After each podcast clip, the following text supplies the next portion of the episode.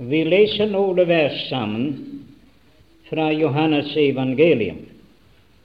Johannes evangelium, og vi leser først og fremst i det første kapittel. Det første kapittel, Johannes evangelium. Vi leser fra vers 11.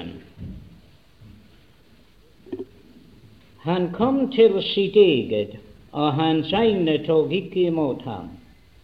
Men alle dem som tok imot ham, dem gav han rett til å bli Guds barn, dem som tror på hans navn.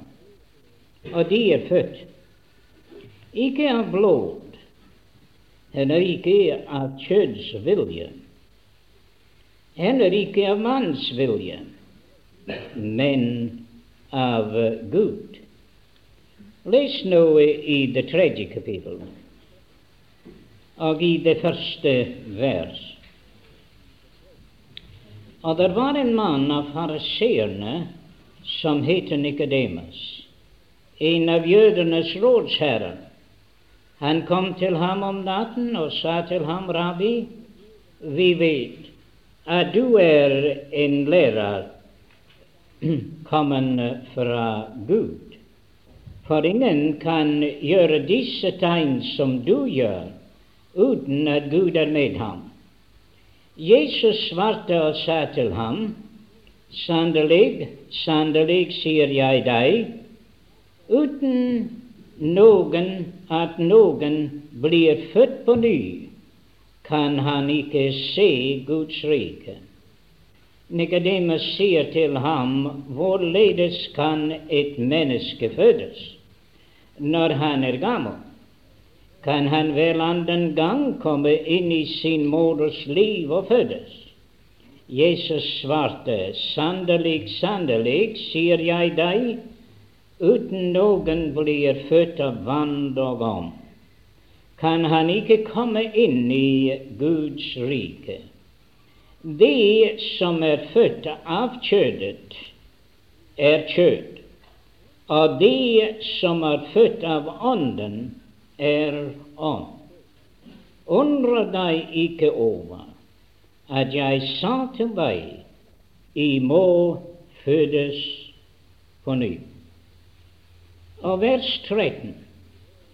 Og dog er ingen stegen opp til himmelen uten Han som er steget ned fra himmelen, menneskesønnen som er i himmelen. Og like som Moses opphøyet slangen i ørkenen, således skal menneskesønnen opphøyes for at hver den som tror på ham, skal ha evig liv. For så har Gud elsket verden, at han gav sin sønn den enbårne, for at hver den som tror på ham, ikke skal fortapes, men ha evig liv.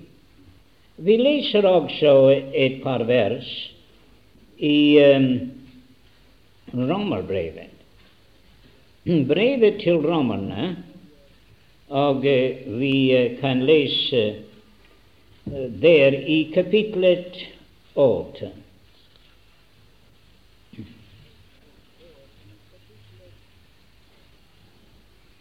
Rom, brevet til romerne og kapitlet åtte.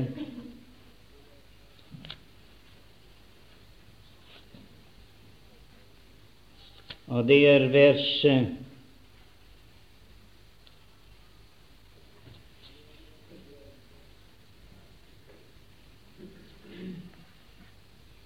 Det er vers 14. Eh, For så mange som drives av Guds ånd, de er Guds barn. I fikk jo ikke trelldoms ånd, så i atter skulle frykte, men I fikk barnekårets ånd, ved hvilken vi råper Abba Fader. Ånden selv vitner med vår ånd at vi er Guds barn. Men er vi barn, da er vi også arvinger. Guds arvinger og Kristi medarvinger, så fremt vi lider med ham, for at vi også skal uh, bli herliget som for at vi også skal herliggjøres med ham. For jeg holder for at den nærværende tids lidelser er ikke et akte mot den herlighet som skal åpenbares på oss. For skapningen lenges og stunder efter Guds barns åpenbarelse. Skapningen ble jo lagt under forgjengelighet, ikke godvillig, men efter Hans vilje som la dem under, i håp om at også skapningen skal bli frigjort fra forgjengelighetens trelldom til Guds barns herlighetsfrihet. For vi vet at hele skapningen til sammen sukker, og er til sammen i smerte inntil nå. Ja, ikke bare det, men også vi som dog har Åndens første grøde, også vi sukker med oss selv i det vi stunder efter vårt barnekår, vårt legemes forløsning. Når vi leser et ord, bare et lille vers uh, der i um, Vi leser i Peters brev. I Peters brev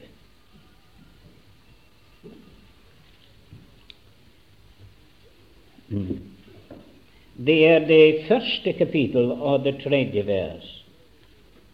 Peters første brev, det første kapittel av vers tre. Lovet være Gud. Av vår Herre Jesu Kristi Fader, Han som efter sin store miskunn har gjenfødt oss til et levende håp ved Jesu Kristi oppstandelse fra det døde, til en uforgjengelig og utsmittet og uvisnelig av, som er gemt i himmelen for eder, i som ved Guds makt holdes oppe ved troen, til den frelse som er ferdig til å blive åpenbaret i den siste tid. Vers 23. I som er gjenfødte, ikke av forgjengelig, men uforgjengelig sæd ved Guds ord som lever og bliver. Ja, nå må Herren rikelig velsigne for oss lesning av sitt dyrebare ord.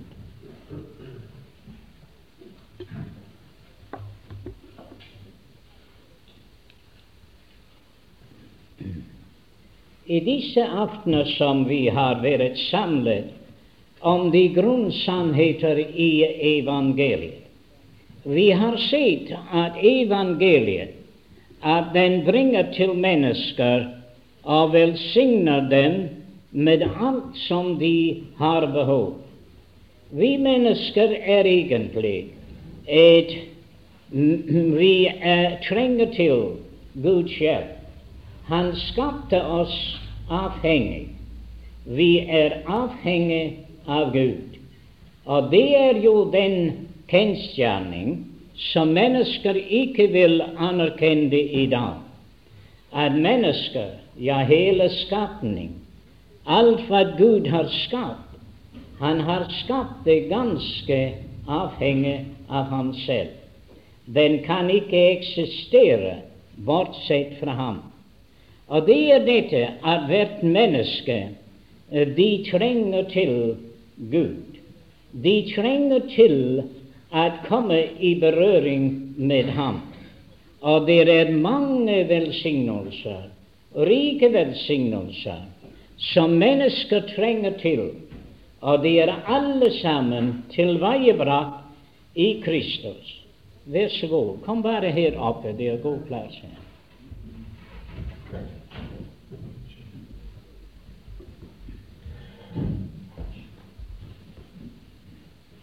Disse velsignelser de er å finne i Herren selv. Så derfor har vi søkt å finne hvordan det er at Gud i sin nåde vil velsigne mennesker. Vi har sett at Gud har tilveiebrakt den store forsoning. Det var aldeles nødvendig for at mennesket kunne komme til ham. Et evangelium uten forsoningen er ikke Guds evangelium. E faktisk talt, det er ikke noe evangelium. For evangeliet er dette at mennesket kunne ikke finne veien til Gud. At de kunne ikke gjøre noe for å komme til Gud. Men at Gud kommer ut til mennesker i Jesus Kristus. Og i dette store offer på Golgatas kors han kom til et sted hvor vi var, i våre synder.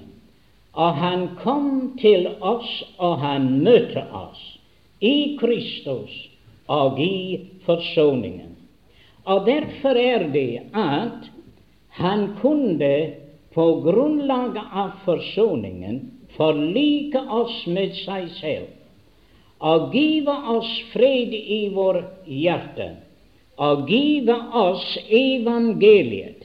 Og evangeliet er la dere forlikes med Gud, så at på dette grunnlag kan mennesket blive brakt i full samfunn med Gud. Og vi så også at det var dette at vi var syndere. Men på det samme grunnlag, forsoningens grunnlag, at Jesus hadde betalt vår gjeld, og båret vår dom, da kunne vi oppnå det største velsignelse, nemlig syndernes forlatelse. Og syndernes forlatelse er gjennom den forløsning som er i Kristus Jesus. Så vi er glad for at vite dette. Vi kan si til mennesket Gud er forlatelsens Gud og han vil tilgive deg alle dine synder på det grunnlag at alt er betalt, at Kristus døde for våre synder. Jeg er så glad for dette vår broder leste medens vi ennå var syndere. Døde Kristus til fastsatte tid for oss. Han ventet ikke til vi var bedre og så døde for oss. Han sa ikke 'vend om et nytt blad, og så vil jeg elske deg'. Han sier ikke at du skal vandre så og så, og da vil jeg elske deg, men medens vi ennå var syndere. Det store budskap kommer til mennesket nettopp i det tilstand de er i, i våre synder. Men vi sa forleden aften at det var ikke bare at han tok bort vår skitne klede, men han iførte oss Kristi rettferdighet. Og det kan ikke være noe bedre kledning eh, for å gå evigheten i møte. Det er bryllupskledning. Bryllupskledning er ikke noe du og jeg har gjort. En mann prøvde det, og han ble kastet ut i det evige mørket. Men bryllupskledning er den kledning som kongen selv har tilveiebrakt. Det er Kristi rettferdighet. At jeg kunne finnes i ham, sier Paulus, ikke med min rettferdighet som er efter loven, men med den rettferdighet som er ved troen på Kristus Jesus. Og det er det eneste bryllupskledning. Og ingen kommer til bryllupet uten at du har den kledning på. Gud har ikke to måter at frelse mennesker. Det er bare den ene, det som Han selv har tilveiebrakt. Så at både forlatelse og forlikelse og rettferdiggjørelse Alle disse herlige ting kommer den vei. Og vi sa at himmelen var et sted for de rene, at intet urent kan komme inn der. Og det er ikke nok at du ønsker å komme til himmelen, men der må være rensning. Ingen kan komme til Gud. Himmelen er en helligdom, hvor den hellige Gud er, og intet som ikke er hellig og ren, kommer inn. Men lovet være Gud, det er dette som evangeliet er. Det forteller oss syndige og rene mennesker hvordan vi kan bli rene i Kristi blod, og hvordan at vi kan komme inn i den staden, renset, helliget og gjort skikket til den hellige Guds nærværelse. Å, mine venner, evangeliets plan og frelses plan, den er virkelig grundig i dens eh, beskaffenhet. Gud går like til grunn med det hele, og på en rettferdig basis vil Han rettferdiggjøre og grense urene syndere som vi. Så renhet må vi ha for å komme til himmelen. Men det er noe annet vi må ha for å komme til himmelen. Du sier, hva er det? Du og jeg har et liv, et liv det passer til denne verden. Du og jeg har et legeme som passer til denne verden. Men verken vårt liv eller vårt legeme passer til himmelen. Så at hvis vi skal komme til himmelen, vi må ha et nytt liv. Og ikke bare et nytt liv, men vi må ha et nytt legeme. Der jeg har før fortalt om en ung mann, og han sa til meg han trodde han kunne like så godt komme til himmelen som noen av oss andre. Han mente han var så god. Jeg sa til dem vi har en bønnemøte i aften. Har du ikke lyst til å komme til bønnemøte? Hva skulle jeg gjøre på et bønnemøte, sier jeg. Det er ikke noe sted for meg. Nå, sa jeg. Kunne du ikke være godt tilpass på et bønnemøte? Nei, nei, det var ikke noe for ham. Vel, sa jeg, min venn, jeg kan fortelle deg at hvis du kom til himmelen, du ville be Gud la deg slippe ut. Han sa hvorfor det? Fordi det liv som passer på et bønnemøte, er det samme liv som passer til himmelen. Og om du kunne ikke finne deg godt tilpass på et bønnemøte, du vil heller ikke finne deg godt tilpass i himmelen. Se, sagen er den hvis du skal komme til himmelen, min venn, du må ha et liv der passer til himmelen. Nå, dere er jo masser av mennesker, og de går rundt om og de teller, forteller oss om riket. Og de har ikke det minste anelse om hva Guds rike er. For de kan ikke forklare det, og de vet ikke hva Guds rike er. De kjenner ikke den første bokstav. For jeg spurte en av dem, er du født på ny? Og svaret var, de forstod ikke hva det var for noe. Jeg sa, der kan du se at du er ikke i stand til å tale om riket, fordi min bibel sier uten noen er født på ny, kan han ikke se Guds rike. Du kan ikke engang se det. Du forstår ikke hva det er for noe. Du kan ikke se Guds rike uten at du er født på ny, uten å tale om å komme inn i det. For uten at noen er født på ny, kommer han ikke inn i Guds rike. Så vi kan la være med all diskusjon, min venn. For disse mennesker har verken sett eller kommet inn i Guds rike. Og de er betingelser for å se det og å komme inn i det. Og det var ikke meg der sa det, det var Herren selv. Han sa det til en av de største eh, teologer av hans tid. For så vidt jeg forstår, Herren sa til ham, er du læreren i Israel og forstår ikke dette? Han var en virkelig stor mann i Israel, og han forstod ikke den grunnsetning i evangeliet at uten at noen er født på ny, kommer han ikke inn i Guds rike.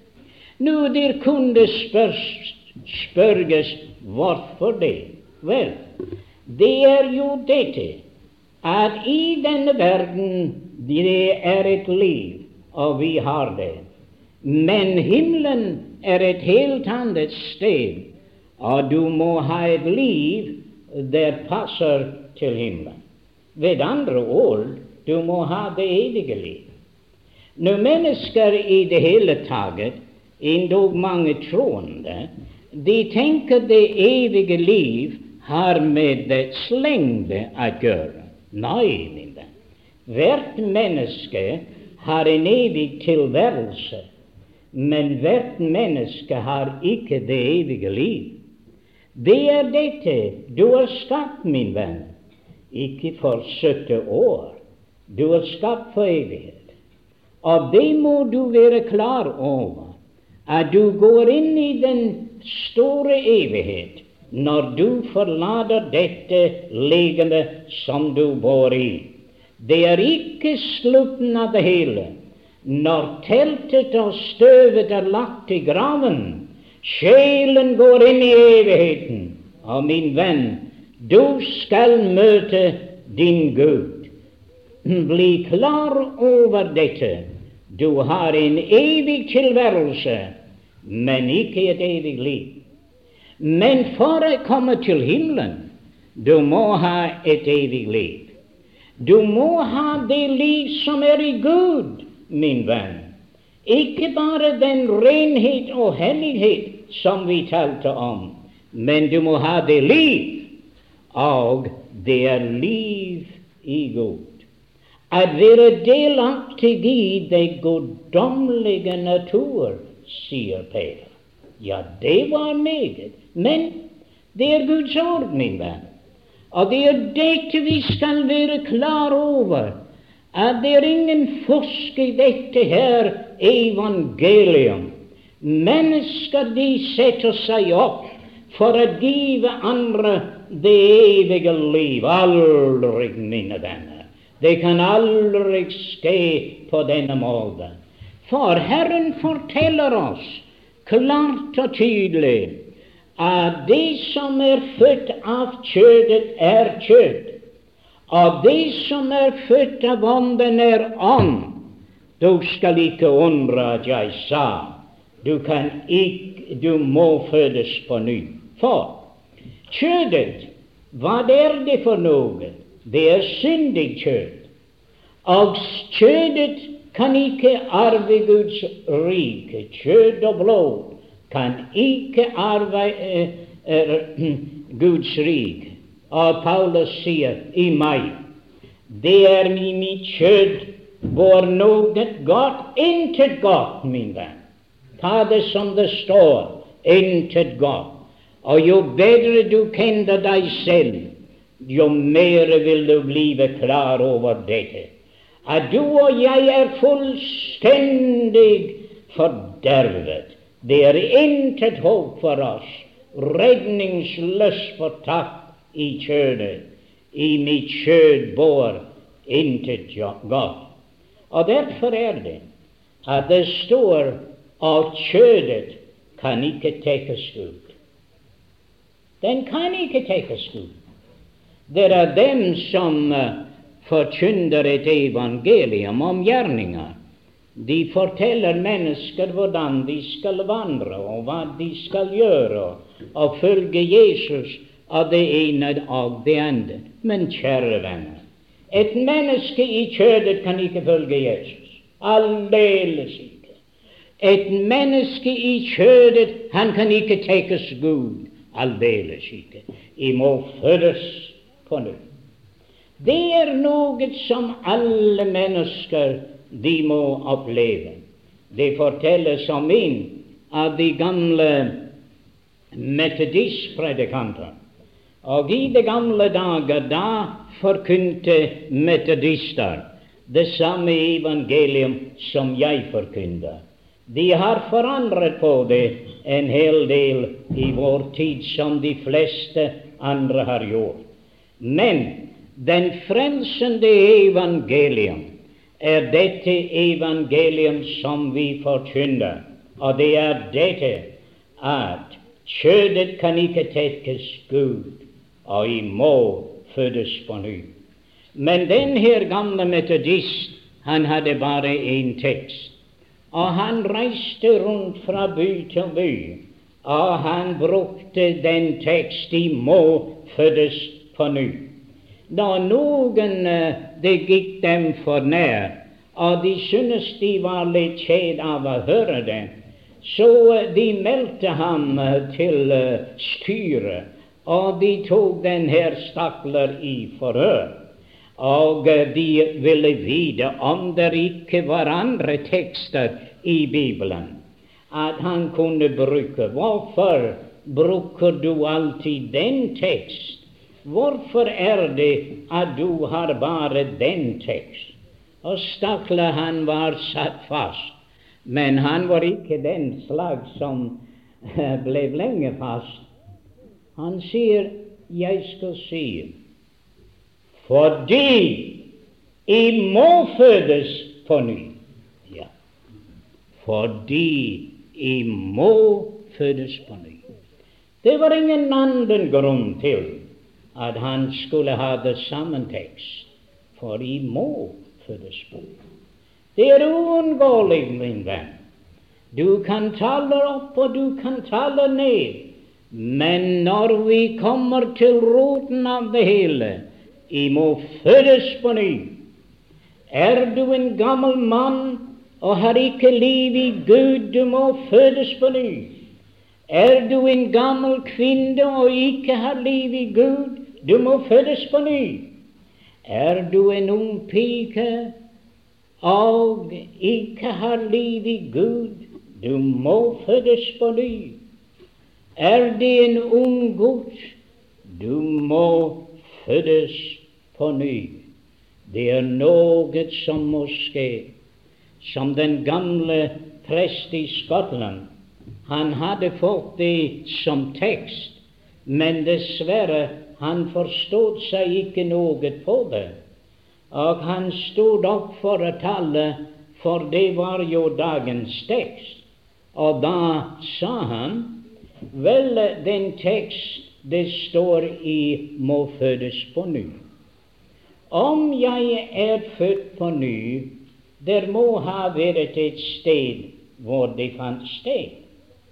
Om jeg er født på ny, der må ha vært en måte på hvilken det fant sted. Om jeg er født på ny, det må ha vært en tid at det fant sted. Men kjære venner, han kunne ikke komme fra teksten. Og den stakkars prest, han måtte gå hjem. Og han måtte lukke døren. Og innenfor Gud, og han oppdaget han hadde aldri vært født på ny. Men han hadde gitt be, be, bestemmelse at ingen skulle forstyrre ham inntil han kom selv. Og der gikk en tid, og da kom presten opp. Men da var det en ny prest. Han var født på ny. Han kom på talerstolen neste søndag og skulle tale over sin tekst, men det var en av dem som var der. Det var ikke lenge innen han var klar over at noe var skjedd med presten, og han hoppet opp han sa, Prise Gud, presten er født på ny. Ja, mine venner, det var jo dette at Gud hadde grepet inn en mannens liv. Og det er forskjellen mellom alt dette som de kaller religion, og dette at være født på ny, født ovenfra, at have det evige liv. Herren forteller oss her i Johannes evangelium hvordan det skjer. Han forteller oss hvordan det ikke skjer, som er født ikke av blod, ikke av mannsvilje, ikke av kjøttsvilje. Ja, ja. Det er verdt å si og tenke på hvordan det ikke skjer. Se, ikke av kjøtt, ikke av blod, ikke av blod. Dette vil si på denne måten at Nikodemus, var en jøde. Han hadde en blodforbindelse med Abraham, men han var ikke født på ny av den grunn. Ja? Nå, det er mange de tror at fordi at de er født i et såkalt kristent land, at alt står vel til. Ikke av blod, min venn. Men min fader og moder var kristne, sier en av de unge gutter. Ja, men ikke av blod. Din fader og moder er kristne, men hvis du ikke er født på ny, du er ennå i syndens lenker, og du må fødes på ny. Ikke av blod. La oss være klar over dette. Hver eneste menneske de må ha en opplevelse at komme i berøring med Gud, ikke av manns vilje. Jeg har tenkt at ikke av blod. Det er det tredje kapittel Johannes evangelium. Det vil si eh, Nikodemus, han var en ren jøde. Og eftersom hans slekt var, han hadde rett til visse privilegier. Men i det fjerde kapittel du leser om en kvinne. Hun var en samaritaner. Kvinne. Og det vil si en helt annen slags. Ikke av kjødsvilje. Ikke av kjødsvilje. Disse samaritanere de var ikke jøder. De hadde ingen blodforbindelse med jødene. Og derfor de kunne ikke bli jøder. Men så var det at de besluttet at de skulle bli jøder allikevel. Og de sendte for en levit, og han lærte dem det jødiske skikket og alt dette. Og nå sier de nå er vi jøder, sier de. Men de var ikke jøder for det. Ikke av mannsvilje, ikke av kjødsvilje.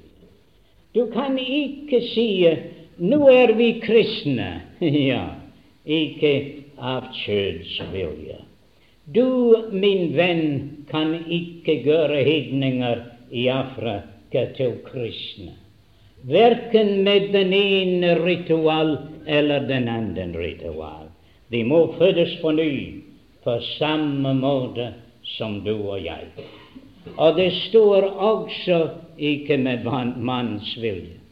Jeg tror jeg har hørt om en norsk høvding at han gjorde folk til kristne med sverdet.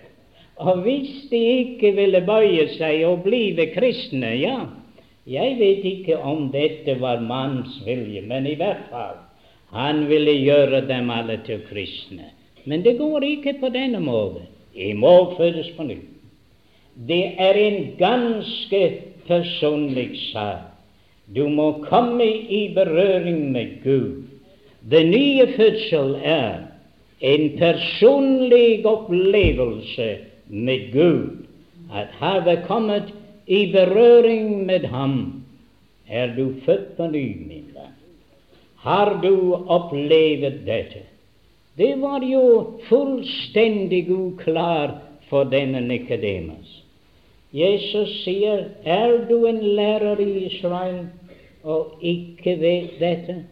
Tenk, han hadde lest sin bibel. Den stod i Bibelen, ja, og Herren forteller ham hvor det stod i Bibelen, men han hadde ikke forstått. 38 år var Israel i ørkenen, og det merkelige er akkurat så lenge som den mann i Johannes 5 han hadde ligget der for å bli kurert. Se? Men han kunne ikke bli hjulpet, for han hadde ingen mann. Det er ikke av manns vilje. Han trengte til noen annen hjelp utenfor seg selv å bli helbredet. Men det var ikke til å drive opp som mannen ligget 38 år. Ja, ja, det er merkverdig. Jeg talte over det en gang på Færøyene. Og en mann han kom til meg og han sa Vet du, Adam, hvor gammel jeg er? Nei, det har jeg ikke tenkt på. Jeg trodde du visste, sa han, som du talte, for jeg er 38 år. Han hadde ligget i 38 år og hadde ikke liv i Gud. Men lovet være Gud, han fikk liv i Gud. Og den mann her, han fikk også liv i Gud. For Herren sier, stå opp, ta din seng og gå. Ah, det var Guds kraft der kom inn i den manns liv. Ikke manns vilje, men av Gud. Her er en gærning. Det er like så guddommelig som skapelsen, min venn. Når Gud skapte denne verden, han bad ikke deg og meg hjelpe ham.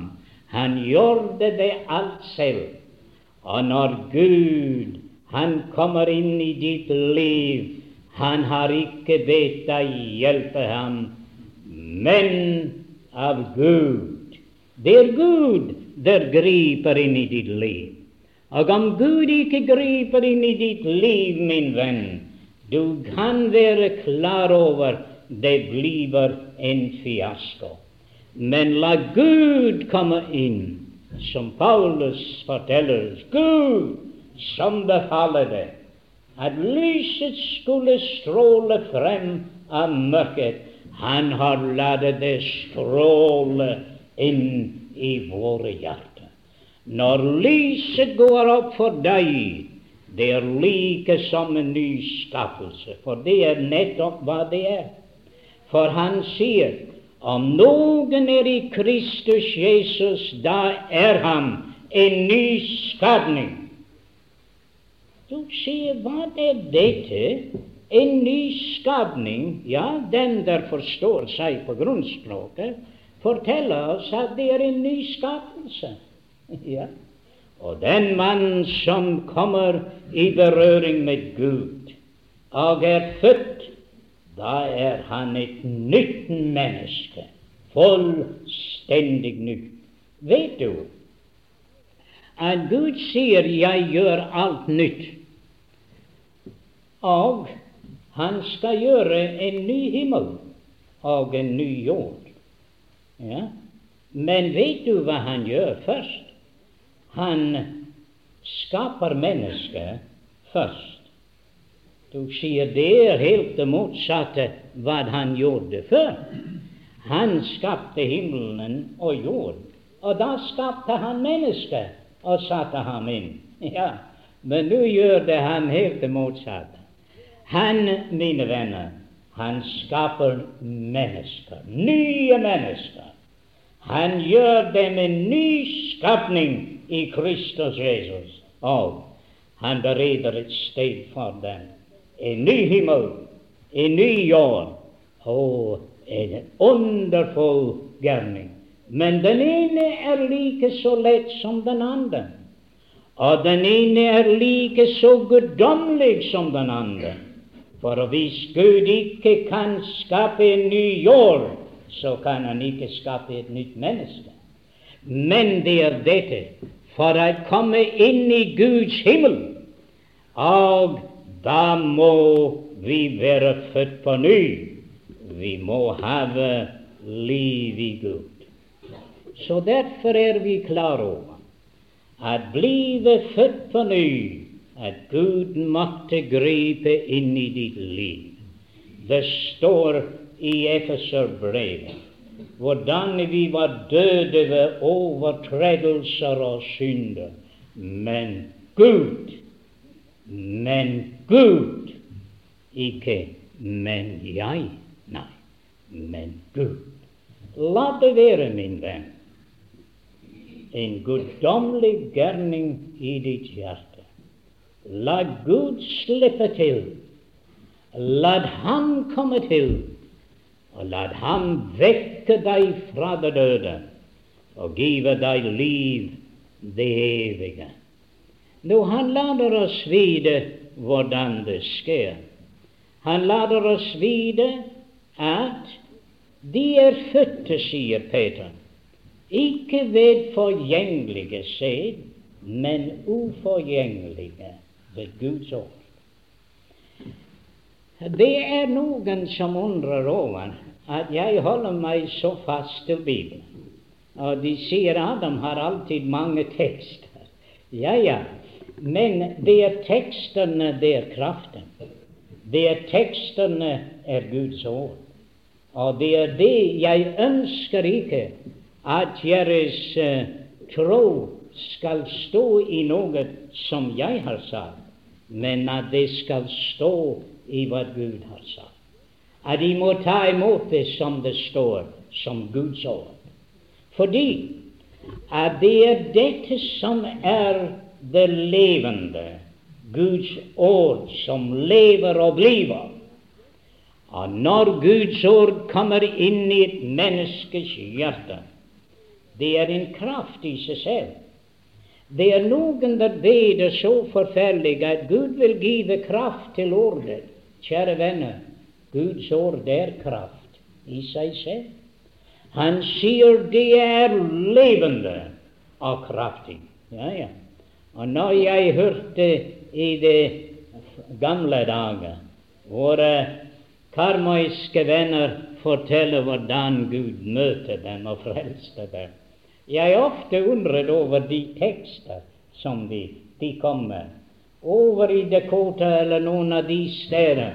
Gud møtte den. Ja, og så var det der kom en tekst til den.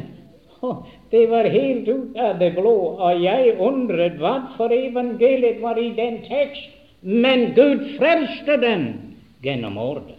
Ja, dette er det. Guds håp er levende og kraftig. Og den kan uten predikant eller prest eller noen annen. Min venn, når den gode sæd kommer i ditt hjerte, livet oppstår der. Det er det levende Guds ord som lever av livet. Når du planter poteter, så venter du jo at høste poteter. Men når den gode sæd er sådd i ditt hjerte, så venter man det evige liv. Ja. For det levende. Og der er hvordan det oppstår ved ord. Den andre virkning er ved Ånden født av Gud, født av Guds ord, født av Ånden. Ja, Den hellige ånd er en underfull kraft. Jeg syntes når vi ser på skapelsen, da er det at Ånden beveget seg over denne mørken. Ja? Og da var det Efter dette, da kom ordet Det ble lys! Det var ordet, og det ble lys. Gud stod bak. Således er det i den sjel som kommer bevende til Gud. Bekjenn den seg som en synder og tager imot det herlige evangeliet. Men du sa, du sier, du har intet sagt om tro. Nei, det har jeg ikke. Men det er det punkt vi kommer til nå. Nikodemus sier hvordan kan dette skje? Vel, sier han, vinden blåser hvor den vil. Du vet ikke hvor den kommer fra, og hvor den går hen. Så er det med ånden. Se, det er uforklarlig. Man kan se virkningen, men forklare hvor vinden kommer fra, og hvordan det går hen, det har ikke noe å si.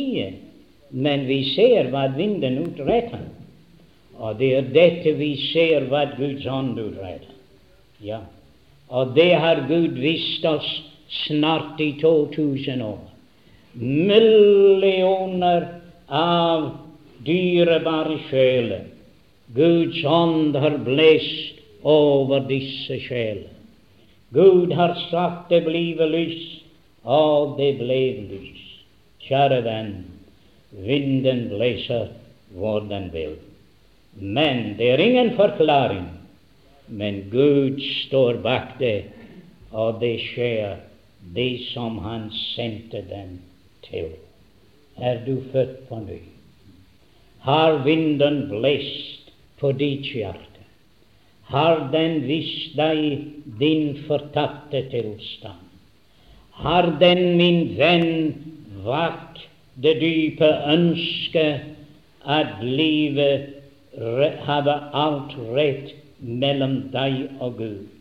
Venn, i aften vi byder deg at komme til Jesus Kristus.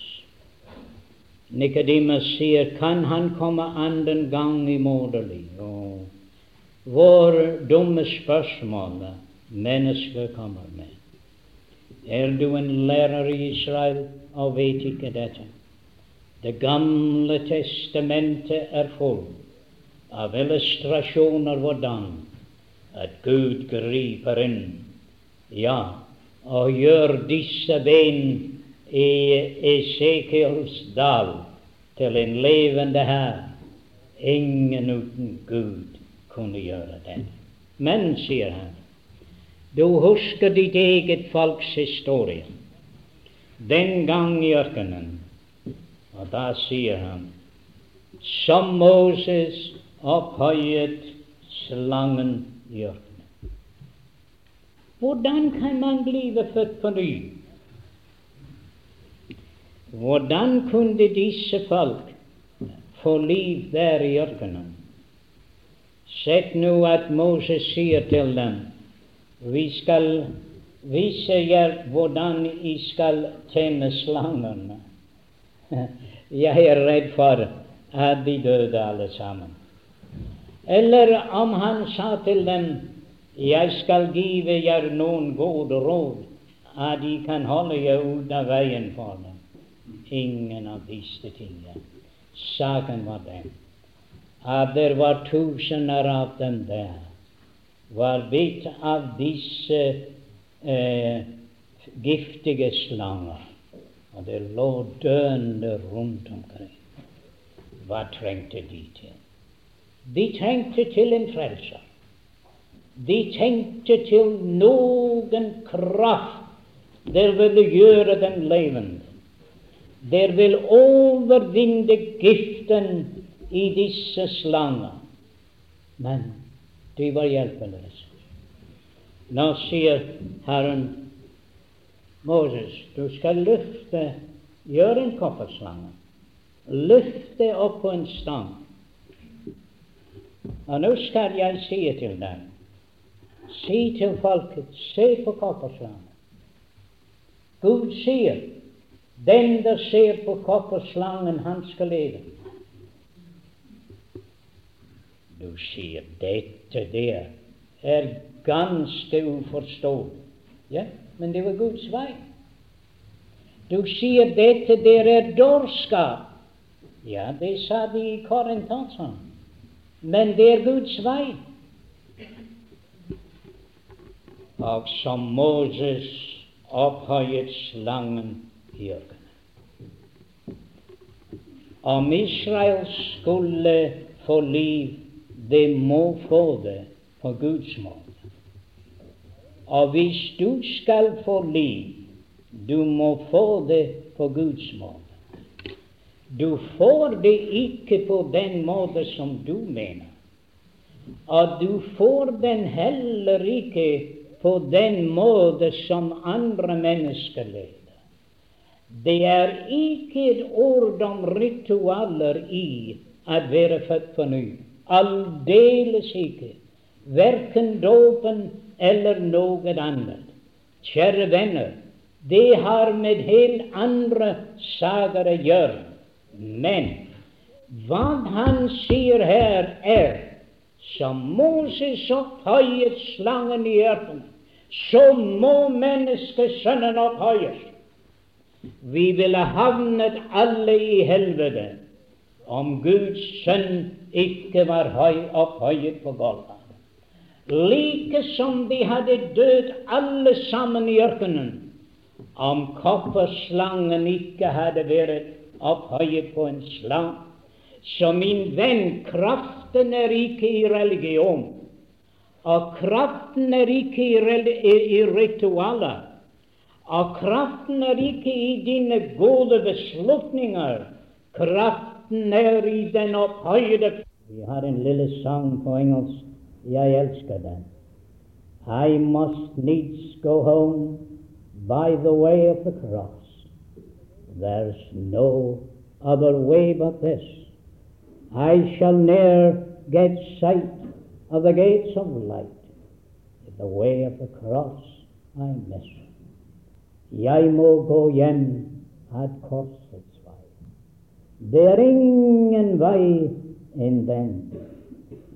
Jeg skal aldri se lysets porter om jeg går glipp eller forbi korsets vei.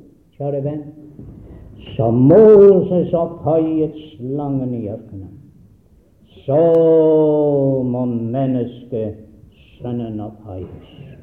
Se ham tårnekronet. Se hans hender gjennom året av hans føtter. Se spydet i hans side som Moses opphøyet slangen i ørkenen. Så må menneskesønnen opphøye. For at hver den som trår på ham, ikke skal fortapes, men hadde et evig liv. Jeg kan tenke meg at disse folk de begynte å se på kopperslangen, og den ene løp opp og priset Gud, og den andre stod opp og priset Gud. Et nytt liv var deres. I dag er det sånn at stakkars syndere i deres fortapte tilstand, de ser Kristus som døde for meg i sitt legeme på korset. Han var min sønn. Gud sier, vær den som tror på ham. Jeg kunne ikke forstå dette. Jeg tror ikke du kan forstå det. Men hva er det? Vil du ta Gud på ordet? Det er et på Å ta Gud på ordet Gud sier til deg han må opphøyes. Og han opphøyes for at hver den som tror på ham, ikke skal fortapes, men have et evig liv. Ikke skal fortapes. Helvetes port er lukket mot ham. Men har evig liv. Himmelens port er åpne for dem. Vil, er du født på ny? Vil du gjerne være født på ny? Det er bare én vei. Som Moses opphøyet slangen i ørkenen, så må menneskesønnen opphøyes, for å være den som tror på ham, ikke skulle fortapes, men har et evig liv. Å, vår velsign. Vil du ta Gud på ordet? Jeg forstår det ikke riktig. Det var det vers i 3 og 36 som lyset kom til meg. Den som tror på Sønnen, han har evig liv. Det var så like til. Den som ikke vil tro på Sønnen, skal ikke se livet, men Guds vrede blir over ham. Det er to deler i det vers. Det første del og den andre del. Hvilken del er du i? Jeg svarte jeg vil ikke være i den andre del i verden. Jeg vil være der blant dem som tror på Guds sønn. Å, mine venner, lyset strålet inn i min sjel. Den som tror på Sønnen, Gud sier. Gud sier han har evig liv. Dette har jeg skrevet til dere, I som tror på Guds Sønns navn, for at I skulle føle Nei, men for at I skulle vite at I har evig liv. I som tror på Guds Sønns navn. Den store gjerning var gjort. Jeg hadde liv i Gud ved Jesus Kristus, det evige liv. Og da er det så velsignet at se de andre ting. Tiden tillater ikke å gå inn i alt som jeg hadde i tanken. Men han sendte sin ånd i våre hjerter, hvorved vi sier Abba, Fader.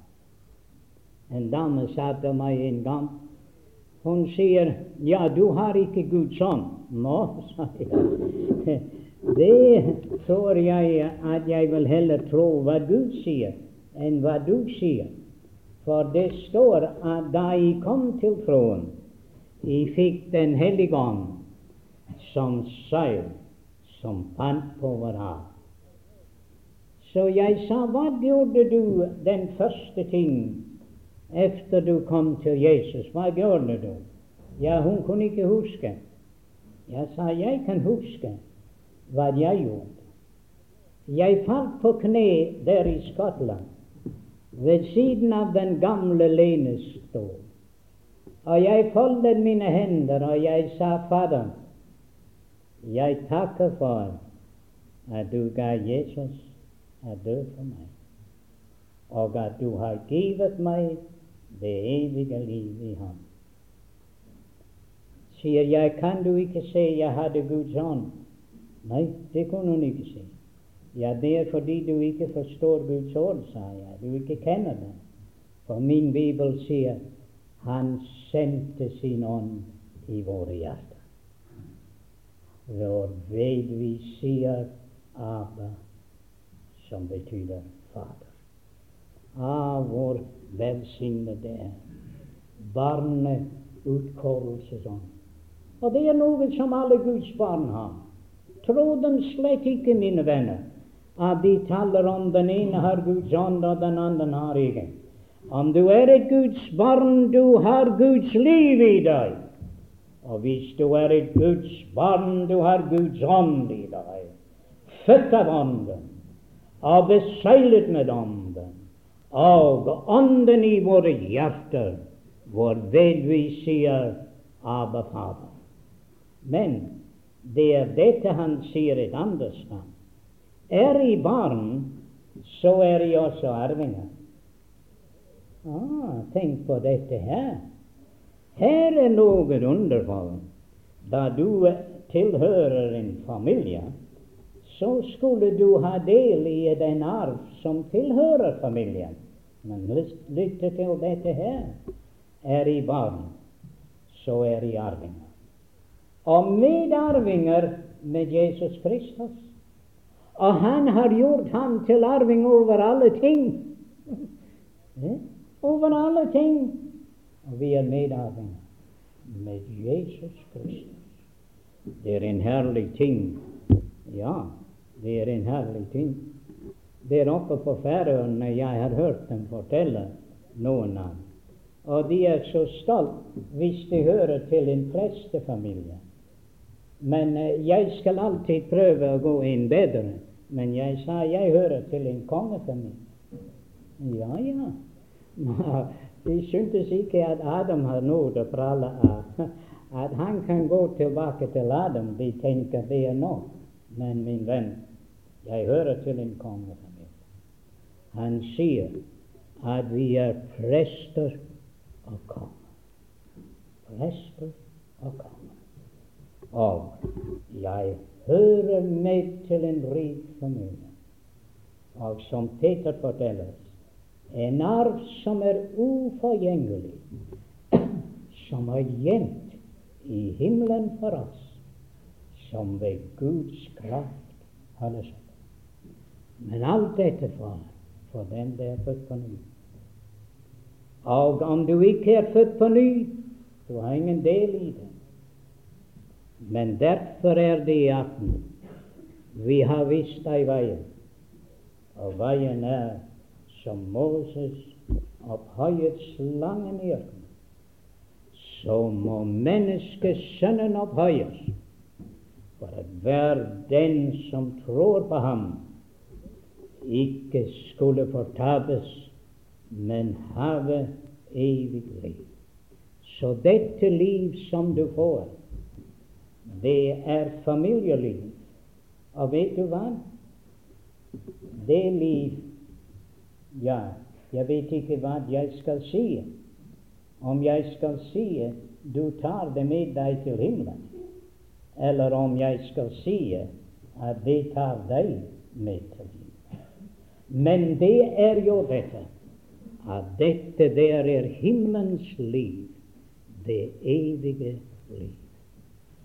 Er det noen her i aften da som føler behov for dette? Du vil gjerne komme til himmelen, men er du klar over I må fødes på ny. Det er ingen annen vei. Og det er ingen annen vei å bli født på ny. Gud har ikke flere veier.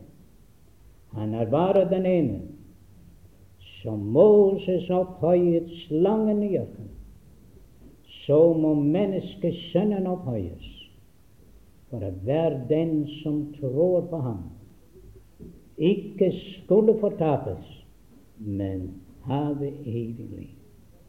Om du ikke kommer, min venn, og hviler på Kristi fullbrakte verk for din frelse, så er det intet håp for deg i tid eller i evighet.